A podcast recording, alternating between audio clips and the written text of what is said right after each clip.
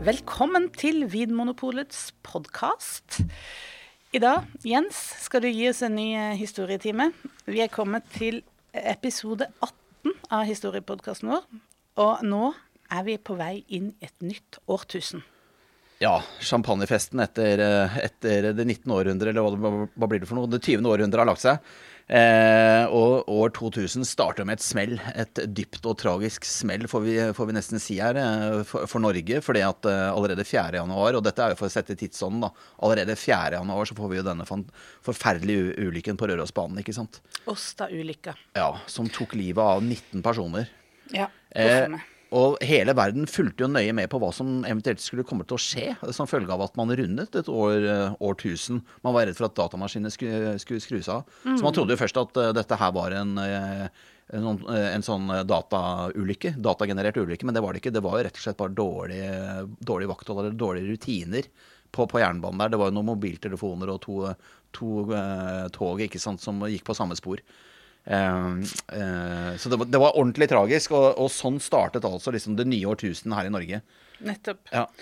Uh, og hva annet var det Hvis vi skal bare ja. Jeg liker det at vi starter episoden med å snakke litt om hva er det vi var opptatt av på Altså Når vi sklir inn i år 2000, hva er det vi tenkte på da? jo, vi må jo sette Snakke om. Vi må jo sette tidsånden. Altså Bondevik, selveste Bondevik, den, den lure reven, eh, statsminister eh, da år 2000 eh, starter. Han går jo av på gasskraftsaken i mars det året. Mm. Eh, eneste statsministeren i Norge som har gått på en klima- eller miljøsak. Eh, så får vi da Stoltenberg-regjering. De sitter jo da fram til valget i 2001. For Vinmonopolets del så betyr jo dette ny sjef. Eh, Kleppa takker pent for seg, mens også Magnhild Meltveit Kleppa fra Senterpartiet takker pent for seg. Mens vi da får ny, eh, ny sjef, eller ny politisk overordnede, i Guri Ingebrigtsen fra fra, fra, Arbeiderpartiet. Og begge disse damene de skriver seg jo veldig positivt inn i historien. Vi kommer tilbake til, til dem begge. I, i, denne, i, denne, episoden. For de, jo, de, sitter jo og regjerer begge to. Og de var, de var, begge to flinke damer som utviklet Vinmonopolet. Eh, og godt var det. Og det er altså da helse- og omsorgsminister du, du refererer til. Det er ikke ny sjef som i eh, administrerende direktør. Ja, det er bra du rydder opp, eh, det er bra du rydder opp her, Anne. Det er helt klart. Og jeg lurer faktisk på om det, de også var sosialminister. Eh, ah, ja. altså, sånn at Vinmonopolet senere flyttet fra Sosialdepartementet til eh, til Helse- og omsorgsdepartementet. Jeg er litt usikker på akkurat når det skjedde, men jeg mener å huske at de var sosialministre begge to. Mm. Men mulig jeg nå da, eh, har, har rota litt. U uansett, jeg syns også, også, det er litt morsomt, da, eller litt interessant. Moskeen på Grønland eh, får jo lov til å sende ut eh, bønnerop hver fredag. Og det er en løyve de blir gitt av bydel Gamle Oslo. Så dette viser jo at Norge er i ferd med å bli et multikulturelt samfunn. Mm. Vi er denne, i ferd med å få denne kulturelle og religiøse pluralismen synlig og, og hørbar da, i samfunnet vårt. Mm. Og det er jo det er fint å tenke på, syns jeg. Jeg husker det godt. Det var ikke uten uh, motstemme, det. Altså, jeg bodde på Tøyen da, og det var mye bråk. Mye mer bråk enn selve bønneropet. Men, men det, det, har jo gått greit, det. det. Det har gått greit. så blir det litt sånn samferdselsmessig kluss eh, på starten av dette året. For jeg husker jo denne for at allerede 5. april, eh, denne såkalte Lillestrøm-ulykken, altså da våknet jo, jo Norge til at det var to godstog som hadde kollidert. Faktisk så å si på Lillestrøm stasjon. Eh, og det var jo eh, noen gassvogner der, noen tanker med mye gass, ja. som brant og som holdt på å eksplodere. Og hadde det skjedd, så hadde vi kanskje fått norgeshistoriens verste ulykke. Da hadde antagelig hele Lillestrøm, som jo er et ganske stort sted, blitt, blitt blåst til himmels. Hjelpes, dette ja, jeg husker ikke engang. Nei, nei og, det var, det, og det, husker jeg det var en ordentlig guffen nyhet å våkne opp til. Og vi kunne se denne blå gassframmen brenne. Eh, og så var det noen modige brannmenn som greide å slukke denne brannen. For det, det, var, det, var, en hårsbredd fra, fra fullstendig til tilintetgjørelse av Lillestrøm. Eh, og, så det var godt det endte bra. Men kjære venner, vi la oss kjøre i gang. For hva var det som preget polet da, eh, rundt år, 2000? år 2000? Ja, altså Episoden skal jo eh, handle om 2000 og 2001. Jeg tror vi skal bare eh, sette de rammene med en gang. Så om, ja. vi, om, vi, hopper litt frem, 2000 og 2001, så er det fordi at vi, vi ser på dette litt under ett. Men, men 2000 ja. eh, var jo et år som vi, var jo blitt litt eh, Det var liksom spenning både til den her eh, den festen som skulle bygge seg opp, og spenninga med disse datasystemene som kanskje skulle knekke fordi at det var tosifra årstall i datasystemene. Så går, går Ja. vi inn, og så blir det nullstilt når det da blir 2000, og det blir 00. ikke sant? Ja. Du er jo livredd. Jeg hadde badekaret fullt av vann i tilfelle jeg skulle få vann ut av springen. Jeg vet ikke hvorfor. Men altså, ja. Dette var jo noe som eh, var bakteppet. Eh, men i Polet så var det jo ikke så dramatisk. Nei, det ble ikke det. Nei. Men vi hadde problemstillingen høyt på agendaen, og Grøholt var veldig opptatt av den. Eh, og vi, det var jo definert et prosjekt eh, fra 96, 97, 98, noe, noe sånt noe, som okay. han da kalte RS 2000. Ja, ja. Det sto for rent skjær, eh, 2000. Og det var da man kalte det year 2K, ikke sant, på internasjonalt. Og, eller, eller, men altså in, internt i Vimopolet så gikk da denne problemstillingen altså dataproblemer relatert til uh, tusenårsskiftet gikk jo under, uh, gikk jo under begrepet RS 2000.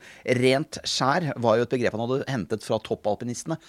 Og igjen er vi tilbake nær til Lillehammer. Altså Grøholt ble, inn, ble så inspirert av Lasse Kjus og Kjetil André Aamodt, som jo gjorde det superbra på Lillehammer-OL. Ja. For da, da snakket kommentatorene om hvorfor vant de? Nei, de hadde et så rent skjær gjennom løypen. De hadde, de hadde funnet optimalt skjær gjennom eh, løypen og suste forbi portene uten, uh, uten problem. Og det var det, det var det mentale bildet Grøholt ville ha på å løse eller håndtere dataproblematikken i polet knyttet til uh, tusenårsskiftet. Uh, og det gikk veldig greit. Vi fikk ikke noen problemer. Men det var jo en veldig nerve i forkant av tusenårsskiftet. Både symbolsk, men også rent praktisk da, i forhold til sånne tekniske ting som dette. Så jeg vil si at dette her preget jo, preget jo bedriften. Eh, I noe grad. Eh, Idet vi på en måte går fra 99 til, eh, til eh, år 2000. Jeg husker jo det på nyttårsaften. Så satt vi jo liksom eh, oppe, hele verden følte jeg som, og, sjekka ja. ut de stedene i verden som gikk inn i det nye årtusenet først, for å se hva som skjedde der. Ja, ja, ja. Eh, og alle pustet lettet ut når man så det at lysene skrudde seg ikke av i New Zealand og Australia, som jo var først ute. Ikke sant? Det, det, bilene rullet og gikk. Jeg hørte også noen fremtids... Eller noen sånne scenarioer som kunne være at minibankene kunne bare plutselig begynne å spy ut penger. så det kunne være en sånn lite element av sånn jackpot inni der. Oi, oi, oi. Nei, det er spennende. Det er en god, god romanstart, det òg. Her er det mange gode romaner. Eh, internt i Vinmonopolet, det roer seg jo litt ned, da, det skal sies. Eh, eh, man puster jo litt lettet ut i forhold til at vi, vi greide å runde årtusenskiftet uten noen problemer. Eh, men så var det også et litt sånt eh, år for hvile i Vinmonopolet. For at man, man allerede her så begynner man nok å være litt sliten, altså, faktisk. Ja. Eh, det har vært mange år med endring. Eh, og vi skal, vi skal snakke litt om det om en liten stund. Men, eh, men man, det er nok en viss endringstretthet å spore internt. Det er det. For det, my, mye har skjedd siden 96, etter at Grøholt kom inn. Ja. Uansett, hvis vi da går til 1.1.2000, så er det jo Reven Bondevik. Vi har jo omtalt altså tidligere statsminister Kjell Magne Bondevik som en durkdreven strateg, og det er han virkelig. Han skriver seg inn i norsk politikk som en veldig eh, Altså, han er jo han, han er jo en politiker eh, by nature, altså virkelig. Altså. Han får jo til det utroligste. Eh, og det er jo et stort paradoks, da. Historien er jo full av paradokser. Det er jo et stort paradoks at det er jo en statsminister fra Kristelig Folkeparti. Det restriktive, alko, altså det restriktive alkoholpolitisk forankrede partiet Kristelig Folkeparti, som begynner med å sette ned avgiftene. Han begynner et nytt årtusen med å sette ned avgiftene han, på alkohol. Men ikke på brennevin og ikke på vin. Han begynner med sterkvin. Eh, som jo var en eh, liten kategori da. Eh, litt større enn den er nå, men det var jo en veldig liten eh, kategori. Så igjen, Bondevik, reven, han jakter jo en alkoholpolitisk seier. Eh, han er pragmatisk. Han gir, for det er jo et voldsomt trøkk i opinionen og også i det politiske miljøet for at, at man må begynne å redu, redusere avgiftene. For vi har jo dette kjempeproblemet med, med smuglersprit og hjembrenning, som vi jo har snakket om tidligere. Eh, tidligere episoder, som varer helt fram til 2002 med metanol- metanolsaken, som først vi skal snakke om i neste episode. da. Men, men Bondevik skjønner jo at man må gjøre noe politisk med dette her. Og Reven Bondevik han prøver seg fram. Han starter med en avgiftsreduksjon på sterkvin. Akkurat. Og dette eh, tror jeg da er i kraft 1.1.2000. Eh, 2000. Så selv om han da denne regjeringa går av i mars, så har jo da altså avgiftsendringa begynner da 1. mars. At, eh, Ja. og, da, og da går det Altså avgiftene går ned på sterkvin. Ja da. Og det er jo ikke et sånn slags politisk kinderegg han har, han har her. ikke sant? Én ting er at han eh, får goodwill fra befolkningen. To, han på en måte stopper jo også munnen på politiske motstandere som mener at politikken er i ferd med å bli utdatert. Eh, og nummer tre, han innfører en avgiftsreduksjon som ikke vil koste staten for mye i tapte avgiftsinntekter. Så dette er jo et politisk kinderegg. Ja. Bondevik i et nøtteskall. Reven Bondevik. Og jeg, jeg er jo veldig svak for rever, altså. Så, så Bondevik, skal- unnskyld, Bondevik skal ha den, altså. Virkelig. Ja. Jeg syns også det er noe interessant eh, å se på i våre egne innkjøpssystemer som eh, blir innført da i eh, 2000, som er eh, rett og slett en sånn eh, fin maskering, holdt jeg på å si. Altså, man eh, gjør dette mm, produktkontrollen vår Ja. litt eh, sikrere. Ja. For det, vi har jo snakka om innkjøpsordninga vår, at vi smaker prøver en anbudsordning der er blindsmakinger involvert osv. Men når produktene da kommer inn Ja. eh, til landet, selve lasten som vi snakker om da, Ja. ikke, ikke prøvene vi får inn i anbudssystemet, når det kommer inn, så blir det jo da altså innført en mottakskontroll. Og det er både altså det er en sensorisk mottakskontroll. Da sitter du det sånn er det ennå, da sitter det dommere, og så smaker du eh, prøve mot last. Ja. Og da skal du ikke vurdere kvalitet. Da skal du bare eh, Målet er å sjekke er dette likt. Har vi fått det, vi sa, det de sa vi skulle få? Eh, og det er en fin, eh, det er en fin ordning for å, å sikre at det, dette her eh, ikke er noe Ja. Ugler i mosen. Vi sjekker at vi ikke blir lurt, og vi sjekker at kundene våre ikke blir lurt. At det er på en måte samsvar, som du sier, mellom, eh, mellom vare og det som er lovd. Lovet i forkant. Nettopp. Ja. Og vi innfører også en sånn eh, kjemisk produktkontroll. vil si at det er mer sånn eh, av type stikkontroller. At man tar inn, så tester vi er det riktig alkoholnivå, er det riktig sukkernivå, er det mm, uhumskheter i. Dette her blir analysert på laboratorier. Veldig. For, for meg blir dette et, et to bilder på, eller to eksempler på at vi blir jo stadig mer profesjonalisert. Altså, at, eh, det, det vinmonopolet vi har i dag, det er så innmari mangefasettert. Og vi skal bruke mange av de neste episodene fremover på liksom å snakke om alt det alt det mangfoldet av tjenester og av krav og av forventninger som på en måte dukker opp underveis. Men det, det, det, det, jo var, var en enklere verden før. Eh, og, eh, og, og ikke bedre, så det ligger ikke noe normativt i dette her fra min side. Men jeg tenker at det er veldig interessant hvordan da disse to tingene, med sensorisk eh, produkt, produktkontroll, eh, pro, produktkontroll og kjemisk produktkontroll, kommer på plass da. Og er to som sagt gode eksempler på at vi da stadig blir mer profesjonalisert. At vi blir uh, grundigere i jobben vi gjør, og at, uh, at ting skal være skikkelig. Og igjen, det er jo, med, det er jo kunden som, er, som tjener på dette her. Det er jo kundene våre som tjener på dette. Ja, og det er jo også et resultat av at uh, vareutvalget vårt er blitt fryktelig mye større. Ja, for vi runder jo et jubileum i 2000. Ja, jeg heter det jubileum. Ja, Vi, vi, vi, vi runder en rundingsbøye, i hvert fall. Ja, det gjør vi. Og rundingsbøye, det er altså 5000 Ja. produkter i utvalget. Det er fantastisk. Og og det, var Det er ikke, det er jo ikke så mange år siden vi snakka om at det var rundt 800 til 1000. 10 000, ja. Noe sånt noe. Ja, det var omtrent ved delinga, da. Så det, ved å eh, åpne opp for private privat eh, import og, mm, og disse grossistene våre, så, så har det plutselig eksplodert Ja. i tilfanget. Det er 1000 nye produkter i året, det. Ja, faktisk. Og det er nesten et tempo vi har ligget på senere. og Nå er vi oppe i drøyt 30 000, da, så det er litt over 1000. Så vi har økende fart. Ja. Eh, Bare for å lage en sånn eh, liten rask regel på det. Det er 1000 nye produkter i året. Nei, det er fantastisk. Så Ja. det, det begynner å bli mye å velge mellom, da. Det, Det og dette mangfoldet, det er, vi jo, det er vi jo veldig svake for. Mangfold er bra, altså. ja, det er det. Valgalternativer. Absolutt. Ja. Eh, vi puster litt ut, Anne. Vi gjør det i år 2000. Når begynte du forresten i polet? Det burde jeg vite. Jeg, begynte i butikk i 2006. Ok, så det er jeg litt før din tid. eh, Jeg er litt ute. Jeg er, ja. glad student på denne tida. Ja, jeg, er, jeg hadde faktisk begynt i polet. Jeg, jeg begynte i 98, og, og, og jeg, jeg er blant dem som puster ut. Eh, Jeg var nok ikke veldig sliten, jeg var jo ganske ung, men, eh, men eh, jeg husker det at liksom det, det, ting skjedde. Og vi hadde jo en veldig bevissthet om det, da. At vi levde i en veldig spennende brytningstid. Det skal sies. Uh, uansett, ni nye butikker kommer i år 2000. Ja, skal du bare gå raskt gjennom? Jeg syns det er litt fint å bare ha liksom markert at de er kommet. Ja, og så tjener det også en hensikt, for det skjer jo noe i bakkant av at vi får disse butikkene. For ja. hvis jeg nå leser dem opp, ikke sant. Ja. Bardufoss i Troms, Bø i Telemark, Flekkefjord i Vest-Agder, Karmøy i Rogaland, Nøtterøy i Vestfold, Risør i Agder, Vikersund i Buskerud, Åndalsnes i Møre og Romsdal og Årnes i Akershus. Ja, Det høres litt som eh, små steder med naturskjønne områder. det- definitivt. Jeg har jo stort sett vært de fleste av disse stedene, så jeg kan bekrefte det. Dette er nydelige steder som, er, eh, som alle sammen fortjener Pol. Eh, Nesten også ut fra estetiske kvaliteter. Vel, jeg skal ikke rote meg for langt inn i det. Men, men det som skjer, da, det, og det hele poenget her med å lese listen, er jo at det er akkurat sånn som du sier, Anne. Det, det begynner jo å bli mindre steder i Norge, dette her. I utgangspunktet så har vi jo veldig mange eh, pol i byer. Eh, og eh, det er klart at eh, vi kan ikke da til Vi kan ikke altså Fram til nå omtrent så har butikkene basically vært like store. Men det er først nå vi begynner å differensiere i butikkstørrelsen. For vi kan ikke drive store bypol. Det er ikke regningssvarende. På disse små stedene. Vi er nødt til å begynne å differensiere. Og det gjør vi. Vi deler da inn i tre kategorier. Grunnsortiment, hovedsortiment og fullsortiment Det skjer i 2000. så seint som i 2000. Og igjen, vi snakket om det i sted, denne profesjonaliseringen. Altså, så det, det er så veldig mye av det, når vi tar, eh, det vi nå tar for gitt, som faktisk er, ikke er mer enn 20 år gammelt. Altså, vi hadde ikke differensiert butikkene i noe særlig grad. Selvfølgelig har det vært noe differensiert.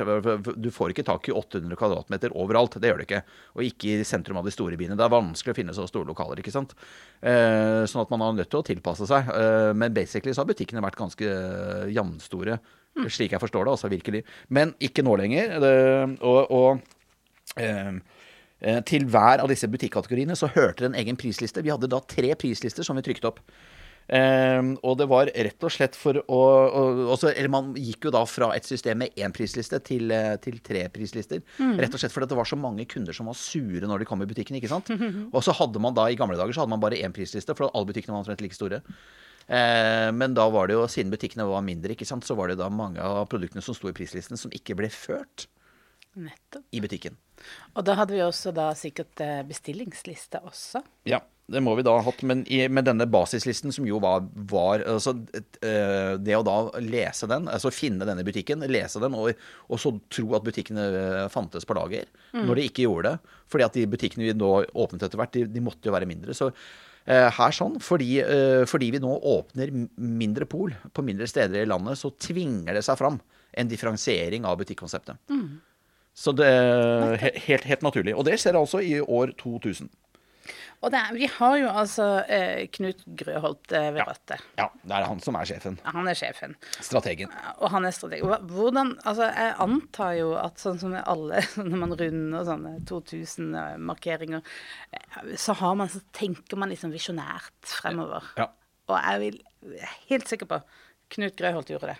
Det gjorde han, og han tok en liten oppsummering i årsmeldingen for år 2000. Og jeg har eh, tatt med meg faktisk den. Eh, tatt med meg årsmeldingen her. Ja, fysisk. Jeg kan til og med knitre med papiret, faktisk. Tjukt papir. Ja, tjukt papir. Og han har skrevet en tekst der, og jeg syns det er litt søtt. da, Det er akkurat som det er en bestefar, men det, nå, han, var ikke han så gammel da. Altså, men Haren og skilpadden kaller han denne teksten i årsmeldingen i år, og, i år 2000. Jeg har lyst til å lese de første linjene derfra, for det sier litt om hvor vi er. Ja. I hvilket mentalt landskap vi er, og, vi, og hva vi står oppi. Vær så god. Takk. År 2000 var det nye Vinmonopolets femte driftsår. Ser vi oss tilbake, kan vi konstatere at det har skjedd mye i denne femårsperioden, sier Knut Groholt, og det er helt riktig. Han sier videre. Dette er tilfellet både for våre rammebetingelser, blant våre leverandører og kunder, og ikke minst innad selskapet. Med hensyn til det siste kan jeg fra tid til annen høre om en viss endringstretthet. Dette er forståelig og skal ikke overses. Men pausen for konsolidering fører lett til stagnasjon.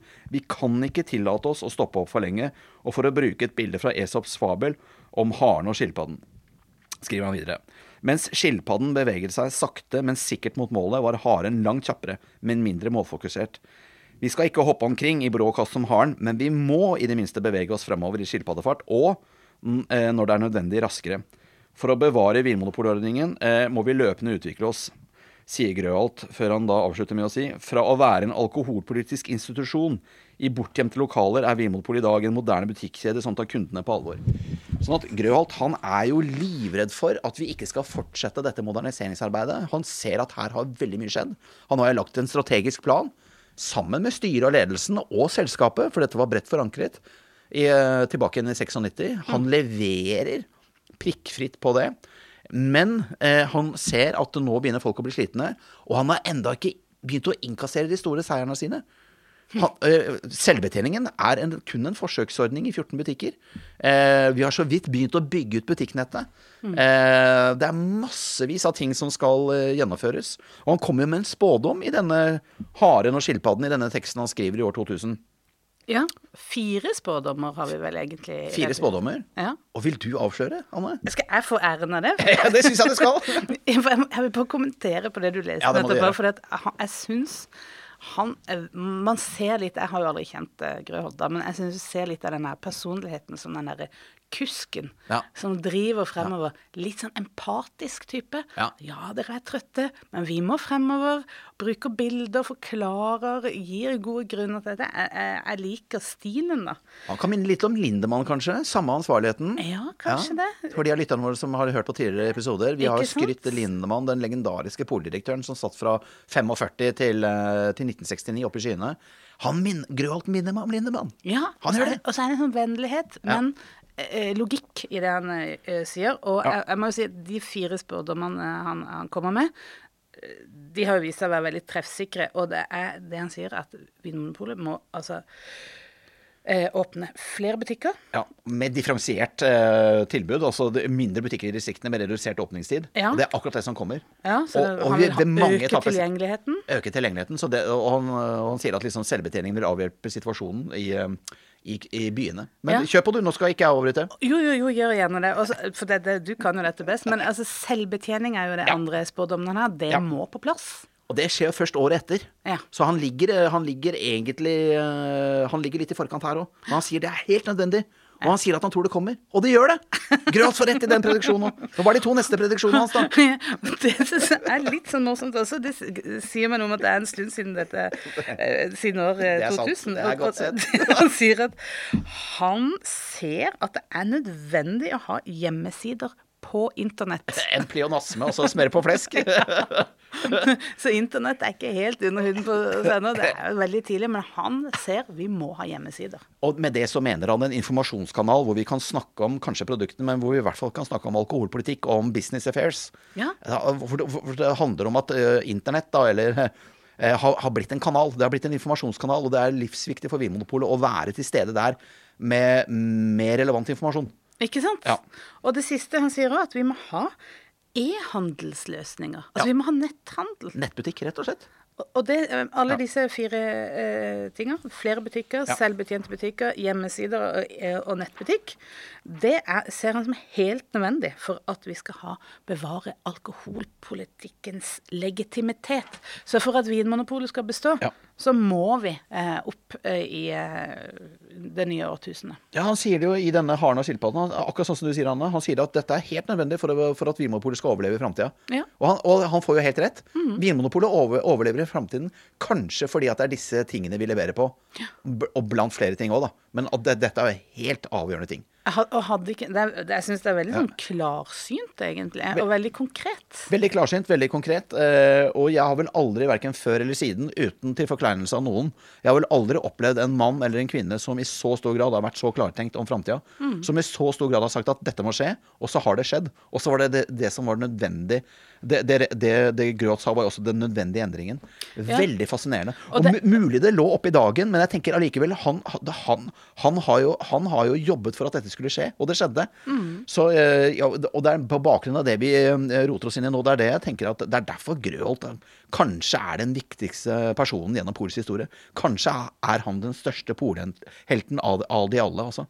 Ja, for det er så lett å, å sitte og si sånn, Ja. litt sånn floskelaktig sånn Vi skal følge med tida, og vi skal være til Altså, ikke sant. Det er så lett å bare bruke sånne ord som rommer alt og ingenting. Ja. Men det å knytte det til helt konkrete ting som må på plass, Ja. er lett å jobbe mot. Og så viser det seg at det er faktisk kanskje så enkelt. og så vanskelig. Ja. Eh, eh, Moderniseringsbehovet hadde jo hopet seg opp, og, og Grøholt så det. Og han, han visste jo også hva som skulle til for å, få- for å få dette gjennom politisk. Han var jo durkdreven byråkrat. ikke sant? Han hadde jo 20, eller om ikke 30 års fartstid fra det byråkratiet fra departementene før han kom til oss. ikke sant? Så her, han visste jo hvordan man skulle jobbe på det politisk-administrative system. Eh, eller nivå, da. Og, og han var modig, sånn som jeg har snakket om før. Han var modig. Han turte å gamble med karrieren sin. Han var, han var ikke, han var ikke han var, han, altså Hans lojalitet gikk jo til Vinmonopolordningen, ikke sant. Så det er jo Jeg må jo si at det trer jo en det trer jo en veldig, en veldig flott person frem fra historien. Mm. Når, vi, når, vi, graver i Grøholt, eller graver i det han har gjort, så trer det en veldig flott person frem. Og jeg er veldig Altså enhver fortelling, te, uh, enhver for, uh, fortelling uh, trenger en helt. og, og, og Grøholt er for meg kanskje den aller største helten vi har. altså. Det må jeg bare si. Jeg, jeg, tror, jeg, tror, jeg har sagt det før mange ganger, men en god ting kan ikke sies for ofte. vi, jeg tror vi skal rett og slett si oss ferdig med år 2000. Ja, vi skal det. Vi skal nemlig til 2001. Vi skal til 2001, og der 2000 kanskje var et lite ikke hvileskjær, men at det ikke ble så mye nytt som skjedde, så blir jo da til gjengjeld 2001 ganske så hektisk. Ja, det starter jo, som du sier, tidlig på året her med at Grøholt får jo rett i en av sine første prediksjoner her. Vi får jo nettstedet vårt. Eh, det rulles jo ut, jeg tror det er i februar, altså, og det, eh, februar 2001. Mm. Da får Vinmonopolet lov av Sosialdepartementet til å ha eh, nettsider, men ikke nettbutikk. Det kommer først senere. Ja. Så vi starter først med en informasjonsbase, da, en informasjonsnettsted. Eh, og det er en modernisering, en viktig en. Et, et, lite skritt, men et viktig skritt. Ja, og det er jo nå jeg, jeg, jeg skjønner at jeg begynner å trekke på året, Altså for år 2000 og 2001, det føles som om det var i går. Ja. Men bare det å tenke på altså, hvor nytt ja. egentlig internett var, hvor mye ja, nytt det var å bruke det, så var jo dette veldig tidlig, egentlig. Ja da. Og Internett hadde jo en litt sånn snuskete og litt sånn anarkistisk klang. ikke sant? Jeg tror det var det som bremsa byråkratene i Sosialdepartementet. De var litt redde for hva polet skulle rotte seg ned At det skulle bli sånn pornoside, liksom? Nei, de var nok ikke redd for det. Men liksom, Internett som sagt hadde en litt sånn snuskete og litt sånn anarkistisk ja. klang. Altså det var, liksom, det var litt sånn eh, Det var ikke lover og regler der på samme måte som i den fysiske verden. Mm. Så man, eh, jeg skal ikke, på ingen måte snakke forhenværende byråkrater i Sosialdepartementet, Sosialdepartementet ned. På ingen måte. Men det var eh, det, Man, man brukte, nok, brukte, nok, litt tid på å forstå internett som fenomen, og hvordan eh, Vinmonopolet kunne nyttiggjøre seg den arenaen. Og uh, Grøholt hadde vært ganske tidlig ute, og man hadde jo, vi kunne jo, hvis vi hadde fått lov, rulle ut denne nettsiden allerede i 97-98, men det jamma. Det jamma en del. altså Det, det, ble, det ble, brems i prosessen. Så det kosta oss et år eller to eller tre, men uh, det gjør ikke noe, det, når, eh, når løsningen ble god til, til slutt. Ja. Ja. Og nå har vi jo et prisvinnende nettsted, og vi har en veldig bra nettbutikk, så det er vi stolte av. Men uh, back then altså, så var det, så var det andre, andre, kår, for å si det sånn. Ja, Og så er det kanskje litt den der usikkerheten om at du mister litt kontroll når ting bare forsvinner ut på nettet. Og det er og vi vil jo ha kontroll. Ikke sant? Og byråkratiet de skal jo passe på at ting er i orden. Så vi, vi snakker på ingen måte ned forhenværende sosialdepartement. På ingen måte. Vi bare registrerer at her var det eh, Her trengte man å diskutere saken eh, over noen, eh, noe tid før det ble en god løsning for alle parter. Så en annen viktig ting som ble innført først i 2001, det ja. var også litt overraskende for meg, at Vinmonopolets kundesenter ja. kommer så seint. Ja. Men det er jo ikke så seint, egentlig. Hvorfor man har jo ikke trengt det, for man har jo bare vært i butikkene. Men nå eh, har vi da altså begynt å handle på en annen måte og, og søke informasjon på andre måter. Og ja. da, da, er det også eh, nødvendig å ha et sånn kundesenter da, som, eh, som kan, man kan ringe til eller sende e-poster til og bestille eller få svar på spørsmål. Rett og slett. Kravene fra et, uh, av, fra et moderne forbrukersamfunn vokser på en måte seg stadig sterkere. og Tilbake på 60-tallet, 70-tallet. Norge var jo ikke noe velsmurt forbrukersamfunn da. Det er vi definitivt når vi har passert år 2000. ikke sant? Så det handler jo hele tiden om at de kravene Vinmonopolet møter fra, uh, fra politiske miljøer, fra internasjonalt hold, men ikke minst fra norske kunder, det er jo stadig økende. Mm. og det er ikke noe som er problematisk for oss, men da må vi bare levere nye tjenester. Og kundesenteret vårt, hvor etter hvert prisvinnende kundesenter, de er jo griseflinke. Ja, det, de er, er, det er flinke folk, altså. Ja. Det må jeg si. Er det noen Også, kolleger ja. Er de så hyggelige? Og vet du hva? Vi bøyer oss i hatten for dem. De er faktisk ganske pene. Nei, er de det? Ja. Oi! Jeg var løpe på kundesenteret! De er griseflinke! Ah, det er så deilig å kunne skryte av flinke kollegaer. Det merker jeg. Jo, men det kjenner jeg. Det er deilig, altså. Så kundesenteret, vi tar av oss hatten for dere og bøyer oss i den for dere. Og digger at vi har dere. For dere, de, de, den jobben de gjør, den er viktig. Det er det absolutt. Og de håndterer uh, tusenvis av, uh, av, kundemøter årlig. Mm. Titusenvis. Faktisk. Ja, ja. De gjør en viktig jobb. Eh, og så er det noe som skjer på Systembolaget som påvirker oss her på Vinmonopolet også. Ja. Nok, Jens, hva er det? Nok en påminnelse om at uh, år 2000, eller år 2001 kan føles litt lenge siden. For det er faktisk slik at system, Systembolaget de åpner på lørdager i 2001 fra 1. juli. De hadde hatt lørdagsstengt på Systembolaget eh, i Sverige fram til eh, år 2001. Og Det høres ut som noe som fra 50-tallet. ja, det er det det gjør. Men det viser jo bare det at eh, de nordiske landene har hatt, har hatt og har en ganske restriktiv alkoholpolitikk. Og at noen ting vi tar helt for gitt i dag, nemlig at eh, butikken er lørdagsåpne, det gjaldt ikke Sverige før, eh, før i 2001. Og det er klart, det eh, vil jo ha noe å si for grensehandel. Ja. Ja, ja, ja. Så det er klart at dette medførte jo en form for sakte årelating, og det har vi jo Vinmonopolet hatt i veldig mange år senere. Grensehandelen eh, knabber jo en del millioner liter fra oss i året, og før pandemien så var det vel i hvert fall en 12-13-14 millioner liter i året som, som gikk til svenskene, for å si det sånn, og så kjøpte av nordmenn. Eh, Vinmonopolet før pandemien solgte jo 82 millioner liter, eh, 83 millioner liter vin og brennevin i løpet av et år. Eh, etter pandemien nå så har vi ligget på, mellom, eh, vi har ligget på 115 og 118. Så det det er klart at det er så 13-14-15 millioner liter brennevin, no, noe sånt er nivået, da. Så blir det veldig spennende å se hvordan det nå vil bli etter pandemien. Men det er klart at eh, det ligger jo fort på en 15% av Vimopols salg. Altså er jo, er jo I Sverige. i Sverige. Så, og, og det er klart at én ting er at eh, en ting, er at, eh, en ting er at dette svekker Vinmonopolets rolle og, og relevans som alkoholpolitisk virkemiddel. En annen ting er at staten taper jo en del milliarder på det. ikke sant? Så at, eh, og dette er penger som kunne gått til å behandle alkoholskader og til å åpne idrettsanlegg og til å lage Norge til et bedre velferdssamfunn. Da. Sånn at det er jo, det er jo, det er jo, det er jo tankekors at både penger eh, og arbeidsplasser forsvinner ut av Norge. Og, så får jeg håpe at vi ikke har blitt for politisk nå, men eh, grensehandelen har jo vært en, har jo vært en eh, utfordring for norske myndigheter. eh, Og, og, ikke, og er en levende utfordring den dag i dag. Og eh, apropos politikk, det Ja. var jo også i 2001 valgkamp. Og det har jeg snakka med noen kollegaer som har hørt på disse historiepodkastene og blitt så overraska over hvor eh, tett vi er på det politiske Norge. Ja. Og at det er sånn man egentlig ikke tenker på. Man ser på Vinmonopolet som en butikk, men at liksom det politiske landskapet har så stor påvirkning på hvordan Vinmonopolet er, og hvilke eh, rammevilkår eh, vi har. Vi er jo direkte underlagt i dag Helse- og omsorgsdepartementet. Det er helt riktig. Og vi får hvert år et oppdragsbrev som det heter, hvor det står hva vi skal levere på. Enten det da gjelder transparens, likestilling, arbeidsmiljø, økonomi, butikketablering. Eh, eh, på en måte etikk i varekjeden bakover. Altså det er, dette oppdragsbrevet ligger jo fritt eh, googlebart på, på hjemmesiden. På, på, på internett, som vi snakket om i sted. Ja. Så det er jo bare for lytterne å gå inn der hvis man er nysgjerrig på hva, vi- hvilken bestilling vi får. Men altså, ja, det er, det er et veldig godt poeng, og det er veldig fint at du, du sier det, Anne. For at vi får årlig en politisk bestilling, eller på en måte en byråkratisk bestilling, fra overordnet instans, som er Helse- og omsorgsdepartementet nå, da, men som var Sosialdepartementet tilbake igjen i 2001. Og den bestillingen vi fikk, for så vidt vevd inn i Arbeiderpartiets eh, valgkamp i 2001. For da satt jo også Det var daværende sosialminister Guri Ingebrigtsen. Nå dessverre avdød, men hun var jo også tidligere ordfører oppe i Svolvær, tror jeg det var. Eh, veldig hyggelig dame. Hun eh, fra Nord-Norge. Hun eh, eh, hun hadde jo en bestilling på 20 butikker. Eh, 20 distriktspol. 20 butikker øremerket di dis distriktskommuner.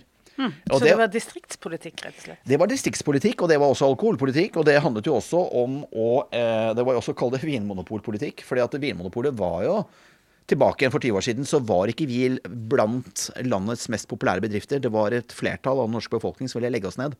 Og Arbeiderpartiet har jo alltid vært den store reform, reformatoren i norsk alkoholpolitikk. Det er Arbeiderpartiet som hvis ser man historisk på det, som alltid har vært en drivende eh, kraft i å modernisere Vinmonopolet. Modernisere eh, alkoholpolitikken, men på en måte som begunstiger Vinmonopolet. Det finnes jo annen type liberalisering eller eh, modernisering av alkoholpolitikken drevet frem av andre partier. Eh, F.eks. økte innreisekvoter til landet. Eh, det er jo ikke da en, en, en, en liberalisering som, eh, som tjener Vimoports interesse, for å si det sånn. da. Så, men det er, det, det er det andre partier som står for, og, og det kommer vi tilbake inn i senere episoder. Men nå handler det om denne, det, dette vedtaket, politiske vedtaket til Arbeiderpartiet om at de ønsker 20 nye distriktspol. Eh, og det måtte vi selvfølgelig levere på, for at, eh, dette var en, en bestilling som jo kom fra, fra, fra ministeren, for å si det sånn, etter hvert. Men er det vanlig? Har det skjedd før eller siden at man har fått beskjed om at nå skal det åpnes så og så mange pol der og der? Eh, Fram til 1996 så var det Sosialdepartementet som sentralt satt og styrte hvor butikkene skulle åpnes. Vinmonopolet hadde jo en finger med i spillet, og Lindemann hadde nok greid å på en måte ordne det på finurlig vis.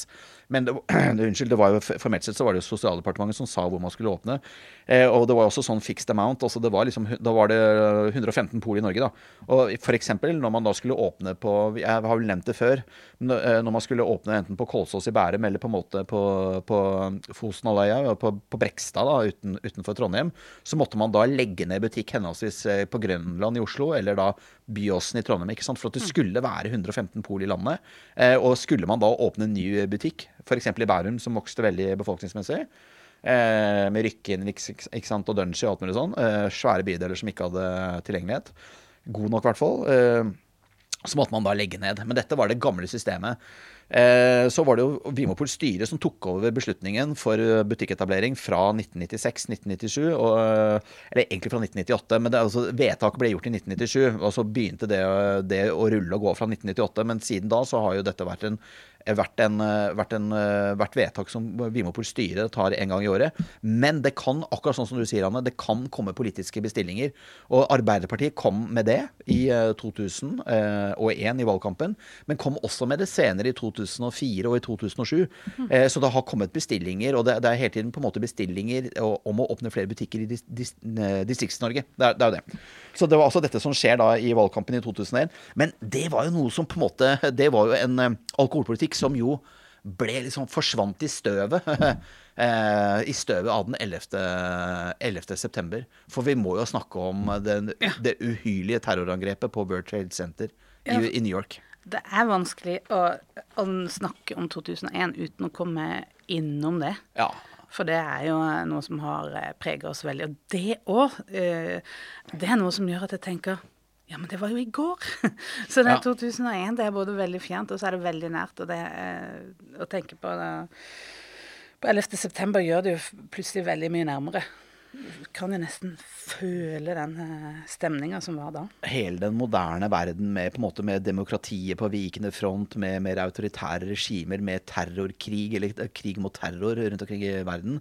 Det er jo mm. veldig mange ledende kommentatorer som sier at verden ble forandret denne dagen. ikke sant? Ja. 11.9.2001. Det var eh, et av de mest uhyrlige eh, eh, terrorangrepene i verdens historie. Kanskje det verste noensinne.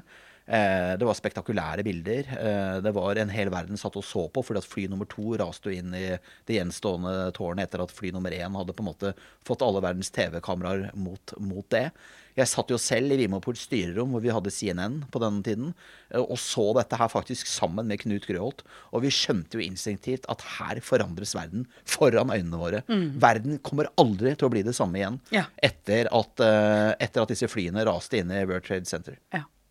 Ja, nei, det, og det fikk dere jo rett i. Grunnen til at vi nevner dette her i vår podkast, er at det for så vidt har litt relevans i forhold til salg av vin og brennevin. Ja. For hva ville du trodde skje med salget vårt? Og jeg håper ikke dette blir en for usentimental overgang, altså, for vi, vi, vi, vi, vi syns jo det er Vi syns jo 11. september er jo det er jo, det er jo, det er jo dyst, det er dyster materie. Det er mørk, ja. mørk materie. Ja, ja, ja, ja, absolutt. Men det, det påvirker jo faktisk også vår butikkdrift. Det kanskje litt umusikalsk å gå rett over på, på salgstall, men, ja. men, men, det er jo fort gjort å tenke at eh, når man blir redd Nei, egentlig ikke. At ja, logikken her er kanskje at man, hvis man blir redd, så skal man drikke mer. Det var i hvert fall det eh, journalistene trodde, for vi blir jo nedringt av journalistene i bakkant av 11.9. Og det samme gjentok seg eh, 22.07., ikke sant. Og for så vidt når andre triste ting skjer, så tror jo journalistene på refleks at da går nordmenn bananas og kjøper inn bøttevis med vodka og rødvin. Skal gå på fylla, liksom? At de skal døyve den eksistensielle smerte ved å tylle i seg alkohol. Det er den journalistiske refleksen. Og vi snakker ikke nå ned den norske journaliststand på ingen måte. Men det er bare så utrolig interessant at de mener det, eller at de tror det er det som er arbeidshypotesen. Den generelle arbeidshypotesen til landets journalister. Men så er det akkurat det stikk motsatte som skjer. Mm. Både etter 11.9. og etter 22.07. så får, så får Vinmonopolet eh, en veldig tydelig salgsnedgang Ikke veldig stor, eh, altså, men, men, så stor at den er målbar. Altså, vi snakker om en sånn 10-15-20 I løpet av noen uker det, det, så blir jo ting normalisert etter hvert. I løpet av en måned til to så er liksom salget tilbake igjen på det normale. Men i dag, timene og dagene og ukene etter disse uhyrlige hendelsene, eh, så er det veldig målbart at vårt salg går ned. Og jeg syns det sier noe veldig interessant psykologisk om, om nordmenn. Antagelig også om mennesker. Vi er ikke i festmodus. Vi er ikke eh, ute etter å eh, hygge oss på samme måte når, uh, når farene truer og vi opplever at, at, verden blir skummel. Så når situasjonen krever det av oss, så, så, er, så korkes flaska, og, og, festen tar slutt. Og så venter vi med, med det til, til, ting har blitt, blitt, litt mer normalt, da.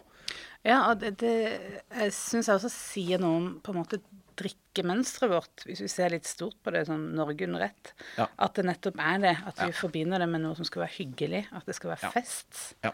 Og at det kanskje ikke er i så stor grad å døyve den eksistensielle smerta. Eh, selv om ja, det kanskje er for noen eh, sånn. Men eh, det er noe vi forbinder med frihet, kanskje. Og 11. september var ikke en dag eh, I frihetens tegn. Nei. nei. Eh, og når vi får sommerferie, da går salget opp. gjør det ikke? Jo. Eller? Jo, jo, jo, det gjør det. Og da har vi fri fra, da har vi fri, har vi fra, jobb, fri fra jobb, vet du. Ja. Sommer, sommerferie. Ja. Sommerfri. Ja, nei, det det er, helt riktig, Anne. Og det, vi vet jo det at alkohol opp gjennom egentlig alle opp, Altså opp gjennom årtusenene. I alle kulturer så har jo alkohol, og for så vidt andre rusmidler, da, eller psykoaktive substanser, har blitt, blitt, brukt i religiøse, sosiale, rituelle sammenhenger. Altså det, det, har vært i fest, det har vært i markeringer. Det har jo ikke vært dagligdags. Rett og slett fordi at det vet man at det vil produsere enormt negative konsekvenser. Og så har nesten alle samfunn da greid å lage gode regler for å tøyle rusbruken, eller tøyle bruken av de psykoaktive substansene. Dette er altså tematikker vi vel touchet borti allerede første episode fra Pest i Polen, altså i, i Polits uh, eh, podkast, om, om, historien vår. Mm. Men, uh, men uh, det er som du sier. Uh, når det kommer til uh, Når er det Vinmonopolet selger mest? Jo, det er, det, er folk, det, er, når vi kan kjenne litt på friheten. Når det er helg. Når, det er, når, det er, sommerferie.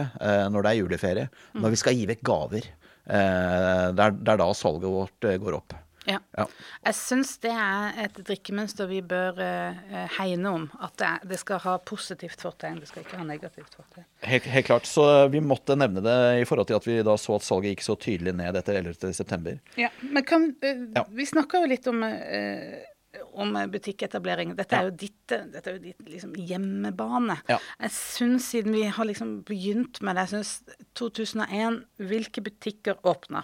Sånn at vi får bare tegne opp Vinmonopol-kartet vårt. Det kan jo hende at det sitter en del lyttere da og på en måte lurer på når sitt lokale pol kom, da. Vi kan jo da, siden vi nå begynner å nærme oss en rekord Vi åpner 17 butikker i 2001, og det er jo rekorden. Øh, back then. Altså det er den daværende rekorden. Den, vi gruser jo den rekorden allerede et par år senere. Eh, men vi kan jo da ta oss bryet med å lese opp disse stedene eh, raskt. Eh, Asker får på Holmensenteret Pol. Asker i Akershus, altså. Eh, Askøy utenfor Bergen i Hordaland får. Eh, Fyllingsdalen, bydel eh, Fyllingsdalen i Bergen får Pol. Dokka, et trivelig lite sted i Oppland, får Pol. Det samme gjelder Evje i Agder. Husnes, også det i Hordaland. Leknes i Lofoten. Så det er faktisk liksom den ytre Lofoten sitt første pol, og der er svære landområder, altså. Så at de først får det så seint som i 2001, er jo nesten litt rart. Måløy, Sogn og Fjordane, Nittedal, Akershus, Nordheimsund i Hordaland. Oslo S, faktisk. Knutepunktet. Norges største knutepunkt for sitt første pol i 2001. Røyken. Røyken i Buskerud. Sauda i Rogaland. Støren, Sør-Trøndelag. Langnes i Tromsø. Ulsteinvik i Møre og Romsdal og Vinstra Oppland. Så alle disse polene her skriver historie i fellesskap ved å, ved å summere seg opp til 17 nyetableringer. Og det, Vi nevner det litt sånn nerdete, men altså, det, det, handler jo veldig mye om å åpne opp nye butikker i, i, i, disse årene. Det tar mye tid og ressurser, koster mye penger, men det er jo investeringer som betaler seg selvfølgelig i bakkant. Eh, veldig mange av folka våre jobber jo med butikketablering. Mm. Det er hektisk år, og vi har veldig flinke folk på, på saken. Eh, Helge Tornes, eh, Aud Tone Breiby. Det er, eh, dette er på en måte pollegender som, eh, som, har virkelig gjort jobben, altså. Så, og det er kanskje farlig å nevne noen navn, men eh, eh, flinke kollegaer som vi eh, som lever i beste velgående, men som, eh, som, er, som er, er, pensjonister blitt. Eh, som, men som vi tenker på med et bredt glis om munnen, for de var flinke. Eh, og, og, så tenker jeg også at det er vel verdt å nevne her at selvbetjening blir da altså en fast ja. ordning. Ja. Det er i 2001. Det har du helt rett i, Anne. Det er bestemt. Kan du dato nå, eller? Eh, nei. 15.11.2001. Historisk dato. Det som er litt interessant, er at Arbeiderpartiet de gidder ikke å lage dette til en sak De gidder ikke å lage dette til en sak som skal behandles politisk. De bare, det bare fases gjennom. Man skjønner, altså den, den, den, reformistiske kraften, alkoholpolitiske kraften av Arbeiderpartiet, skjønner at vi må bare la dette sildre gjennom. Vi gidder ikke altså, vi, Det er ikke noe vits i å på en måte spille høyt spill med dette her. Det er så viktig av hensyn til framtidig alkoholpolitikk at det blir selvbetjening. At dette her ble, ble fattet eh, Selvfølgelig ikke uten forskningsrapporter og, og, på en måte debatt, men det ble ikke en bred debatt, en bred stortingsbehandling. Det, det ble ikke det. Og så må, jeg bare også nevne da, at Vi fikk jo et regjeringsskifte høsten 2001. Da er det jo reven Bondevik som er tilbake igjen med, med Bondevik II-regjeringen sin. Eh, da med Høyre ved taburettene sammen med han. Eh, og da får vi jo en ny, ny sosialminister, nemlig Ingjerd Schou. En veldig hyggelig og, og kul dame, det òg. Eh, men og grunnen til at jeg nevner henne, er fordi at eh, man stiller jo da spørsmål på lederplass, eh, bl.a. i Dagbladet, om polet nå kommer til å ryke. Og da eh, sier da Ingjerd Schou klart og tydelig, når hun liksom tiltrer som sosialminister, at regjeringen Bondevik vil ikke ta initiativ til salg av vin og brennevin i dagligvarebutikkene. Så at så oppe i den politiske debatten er spørsmålet om å legge ned polet. At, at den nye sosialministeren faktisk må dementere at så kommer til å skje. Hm. Jeg syns det er interessant. Ja, er det. For det er, ingen, det er ingen sosialminister eller helseminister som etter dette på en måte må ut og dementere påstandene om at polet skal legges ned. Det er ikke det. Eh, så eh, alkoholpolitikk, det står høyt på, på agendaen ja. eh, I 2001. I 2001. Ja, ja, eh, hva er det du tenker Du var jo en, en del av dette, på en måte. Hvordan, hva, hva, er det du vil eh, på en måte trekke frem som vi bør ha med oss sånn i, i, bakhodet. Hva som er viktig å få med seg fra den eh, Skal vi si en brytnings... Var det en brytningstid? Ja, det var det. Ja. Det var det. Det var en brytningstid. Virkelig, altså. Eh, det er flere butikker, selvbetjening, eh, reduserte avgifter. For det kommer jo etter hvert, og vi skal snakke litt mer om hvorfor de kommer nå ganske snart. Men det, det, vi hadde jo også kampanjer som gikk på drikkekultur. Eh, vi var også en brytningstid i den forstand at vi på en måte vi hadde, tok jo raske byks oppover disse kundetilfredshetsbarometerne i regi av av BI og, og Synnøveit og så videre Men det var jo også en ekstrem intern bevissthet om at vi befant oss i en brytningstid. Mm. Eh, disse endringene oppsto jo ikke av seg selv i et vakuum. Det var jo fordi at Grøholt og andre dyttet på i kulissene. Jobbet målrettet, akkurat som denne skilpadden han snakket om i sted, ikke sant, i årsmeldingen for 2000. Eh, han var ikke haren som hoppet vilkårlig eh, fra, fra blåbærtue til blåbærtue. Han var den litt mer sendrektige eh, hare, nei, unnskyld, skilpadden som hadde stø kurs. Det var stø kurs. Mm. Det var noe veldig solid over dette her, altså. Eh, for det handlet jo om, ikke sant vis, vi, vi, visste jo det, at, og også i sånn relasjon til det hun Ingjerd Schou hadde sagt, ikke sant, at hun, hun hadde ikke noen planer om å, om å, legge oss ned. Vi visste jo det at eh, det handlet jo om å redde Vinmonopolet. Altså, Man måtte redde Vinmonopolet fra eh, nedleggelse. Og Jeg husker da jeg begynte i Polet i 98, og, og, dette var jo helt legitimt blant lederne å si da. De sa jo det. Eh, og jeg har vel også nevnt i tidligere podkaster her at man trodde, altså til og med Vimopols ledelse, ikke nødvendigvis skrølt, men det var mange som trodde at Vimopolet greit kunne eksistere i fem år, men neppe i ti. For man så for seg at i løpet av ti års tid så ville liberaliseringen i samfunnet eh, og kravene, de stadig endrede kravene og økende kravene fra et mer vel, eh, velsmurt forbrukssamfunn. De ville liksom kverke polet rett og slett for at man ikke skulle da greie å levere på kundemøtet lenger. Mm. Så det var det man trodde. For man hadde jo sett at det hadde vært en, en, en rasende fart i liberaliseringen og i samfunnsendringen fram til 2000 omtrent. da. Så det var en veldig awareness, en veldig bevissthet om at vi var i en brytningstid, og at uh, alkoholpolitikken var høyt på agendaen. Mm. Det var det. Og, og, så var det jo en del eh, eh Fikk jo en del vind i få gjennom disse endringene som vi ja. har nevnt allerede. Det er riktig. Eh, og du har jo nevnt at det var liberalisering og ja. Grøholt. Og så har du altså en gang eh, fortalt meg om et litt sånn eh, fascinerende fenomen som heter ja. rusmiddelpolitisk råd. det har jeg, vet du. Det, det finnes jo ikke en tørrere tittel, og allikevel så klarte jeg å bli veldig interessert i dette.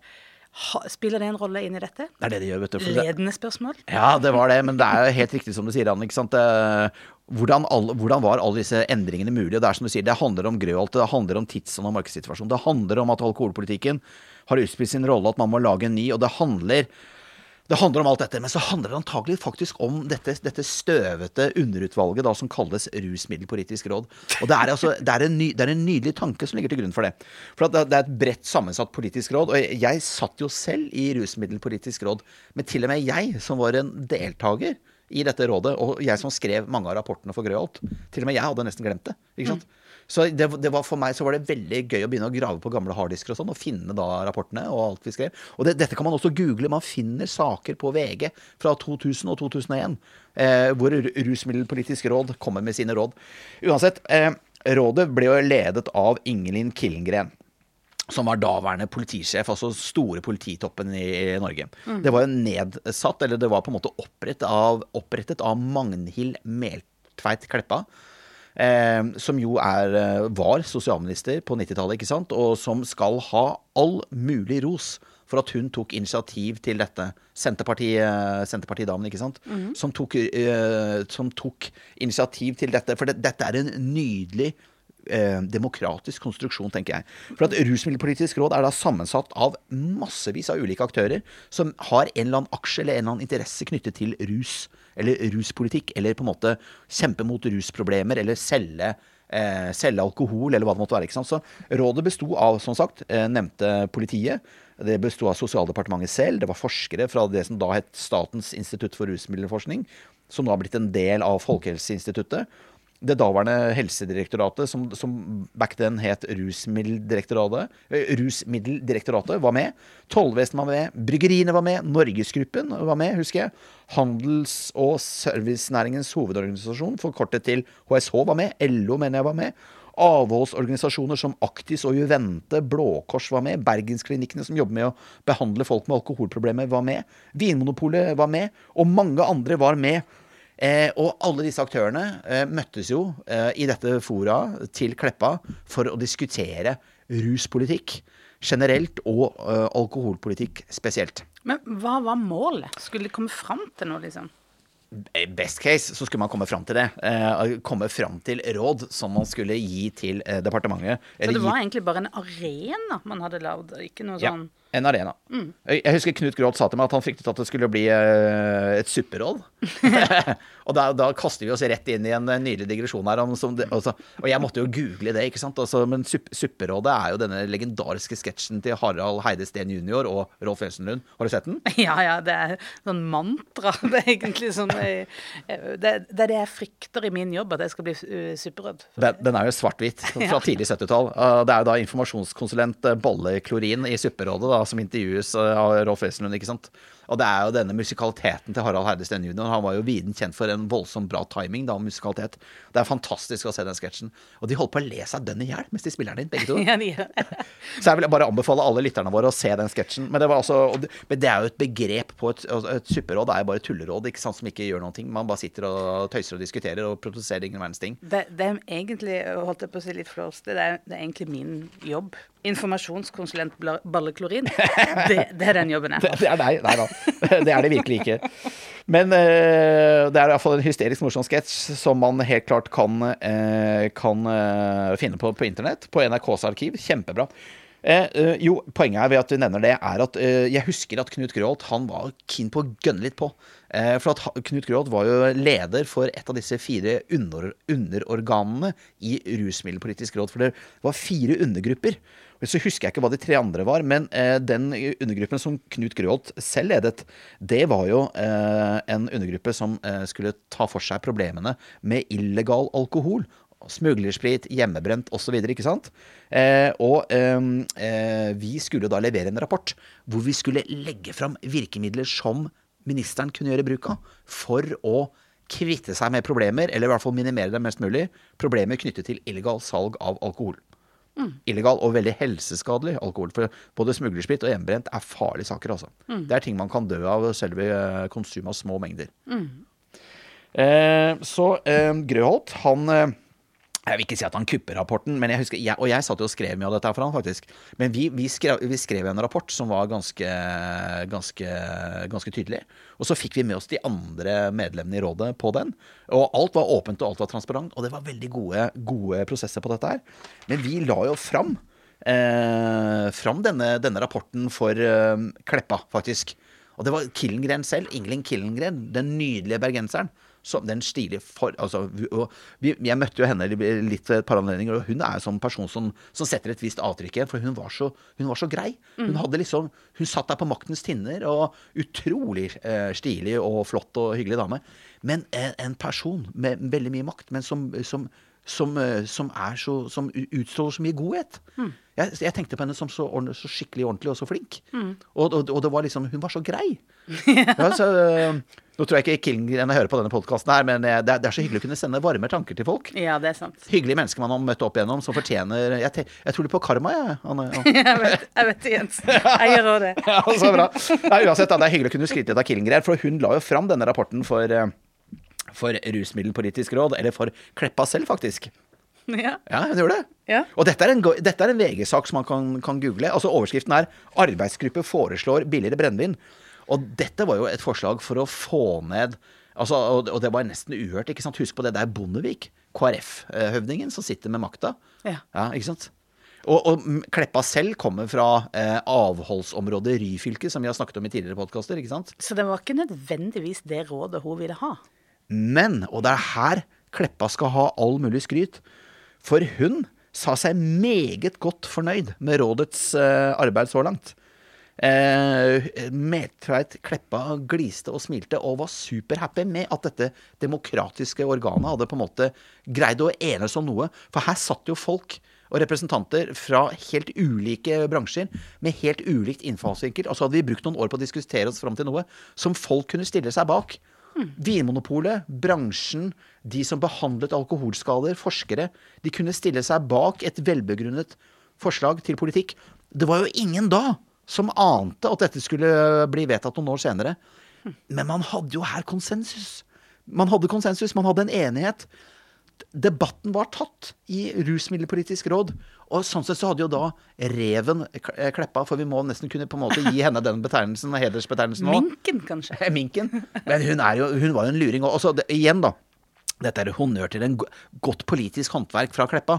Mm. Eh, og vi får jo anta at det var en, en baktanke hun hadde. da. For ved å eh, arrangere disse debattene hvor alle mulige motpoler i, i, bransjen møtes og diskuterer seg fram til levedyktige kompromisser, så vet jo da ministeren som får dette skriv i hånden med en tiltakspakke, vet jo det at her alle aktørene stiller seg bak. Det jeg her får i hånden, så diskusjonen er jo tatt. Mye av diskusjonen er jo tatt. Mm. Det er både demokratisk, og man har eh, involvert de ja. riktige partene. Og Killengren hun sa det så elegant. Hun sa det. Vi har, valgt, vi har valgt en arbeidsform der vi har prøvd å koble sammen eh, motpoler, og det har fungert helt fint, sa hun. Ja. Ja, så enkelt. Åh, kanskje man kan prøve litt mer av sånne ting? Ja, jeg tenker Særlig i en verden liksom, hvor demokratiet er under press og liksom, eh, det er mer autoritære strømninger både internt i Norge og så, ikke, ikke, minst internasjonalt. Her, her, her, var det jo et, et byrå, unnskyld, eh, altså en byråkratisk instans som fungerte. Ja. Altså, det, det, var et råd, et råd nedsatt av politisk ledelse, som fungerte. Og så kommer det jo ny! Ny minister! hva skjer? Og hva skjer da? Og det er da man nesten får lyst til å felle en tåre. Ja, ja.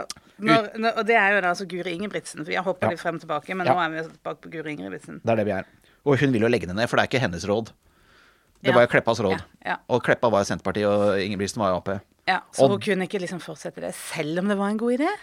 Og da sa jeg disse, disse, disse, disse, disse nestorene innenfor uh, Rusmiddelpolitisk råd, altså Killengren, men også Stein Berg, som var daværende leder av Rusmiddeldirektoratet, men også Bernt Bull, som lever i beste velgående, og som er liksom avholdsfolkets nestor. Han sa det at vi, alle disse her, samfunnstoppene, sa det. Vi må jo ikke finne på å legge ned Rusmiddelpolitisk råd for alle de sektorene som har god, gode debattarenaer mellom alle aktører. Unnskyld som har en aksje i problemstillingen. Alle disse sektorene har jo en vanvittig evne til å produsere levedyktige kompromisser som alle aktører har godt av. Og dette vil jo samfunnet nyte godt av. Og da sa Bernt Bull Eh, Han sa jo det at ja, jeg skjønner jo kanskje Grøholts frykt om at dette skulle bli et supperåd, men vi har jo bevist at vi ikke ble et supperåd. Vi har blitt et utrolig godt råd.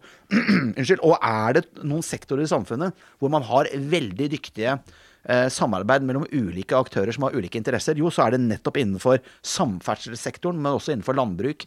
Og det er liksom Skal ikke dra det for langt å begynne å snakke om den korporative stat, men altså, det, er, det er jo snakk om at noe, enkelte ganger så kan jo næringsinteresser innenfor på måte et, et fagområde de kan jo organisere seg på en måte som gjør at du da får veldig levedyktige sektorer som produserer gode politiske beslutninger. Eh, vi har jo snakket om det før, Anne. Politikk er jo mulighetenes kunst. Det handler altså, Og demokrati, det er jo kompromiss. Det er kompromissets kunst. Man må jo finne levedyktige løsninger som alle parter kan, kan, kan, stoppe, kan slutte opp om. Og Kleppa, hun, hun løste denne floken. Hun skapte et, eh, en nydelig forordning som dessverre eh, Guri Ingebrigtsen la ned. Og det, det kunne nok kanskje ikke Ingebrigtsen skjønne i så stor grad, men når vi ser den innflytelsen eh, Det som skjedde i årene senere, var at vi fikk en del avgiftsendringer som vi skal snakke om i neste episode av podkasten. Men altså, eh, Rusmiddelpolitisk råd produserte råd som ble tatt til følge fordi edgen, den politiske edgen var jo tatt ut av det. Man visste at dette her var gangbar mynt. Man hadde et tidsvindu å modernisere på. Kanskje da takket være denne forordningen Rusmiddelpolitisk råd, som jeg tror ingen i Norge har hørt om den dag i dag. Og til og med jeg, som var del av rådet, har nesten glemt det. Ja. Men ikke nå lenger. Nei. Nå er det løfta opp i lyset. Det var deilig å hente dette fram fra de støvete kroker.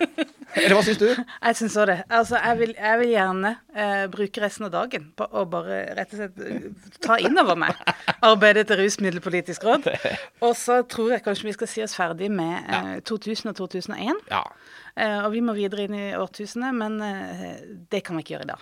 Hva er det Morten Harket og ha sier? 'Ending on a high note'. Og jeg føler at det, høy, en høyere tone enn rusmiddelpolitisk råd, det får vi ikke til, altså. Det orker jeg. Nei. Tusen takk for i dag, Jens. Ja, takk for i dag. Dette var herlig. Takk for at du hører på Vinmonopolets podkast. Har du forslag til et tema i podkasten? Send mail til podkast at vinmonopolet.no. I tillegg svarer kundesenteret deg på e-post, chat og telefon. Bye.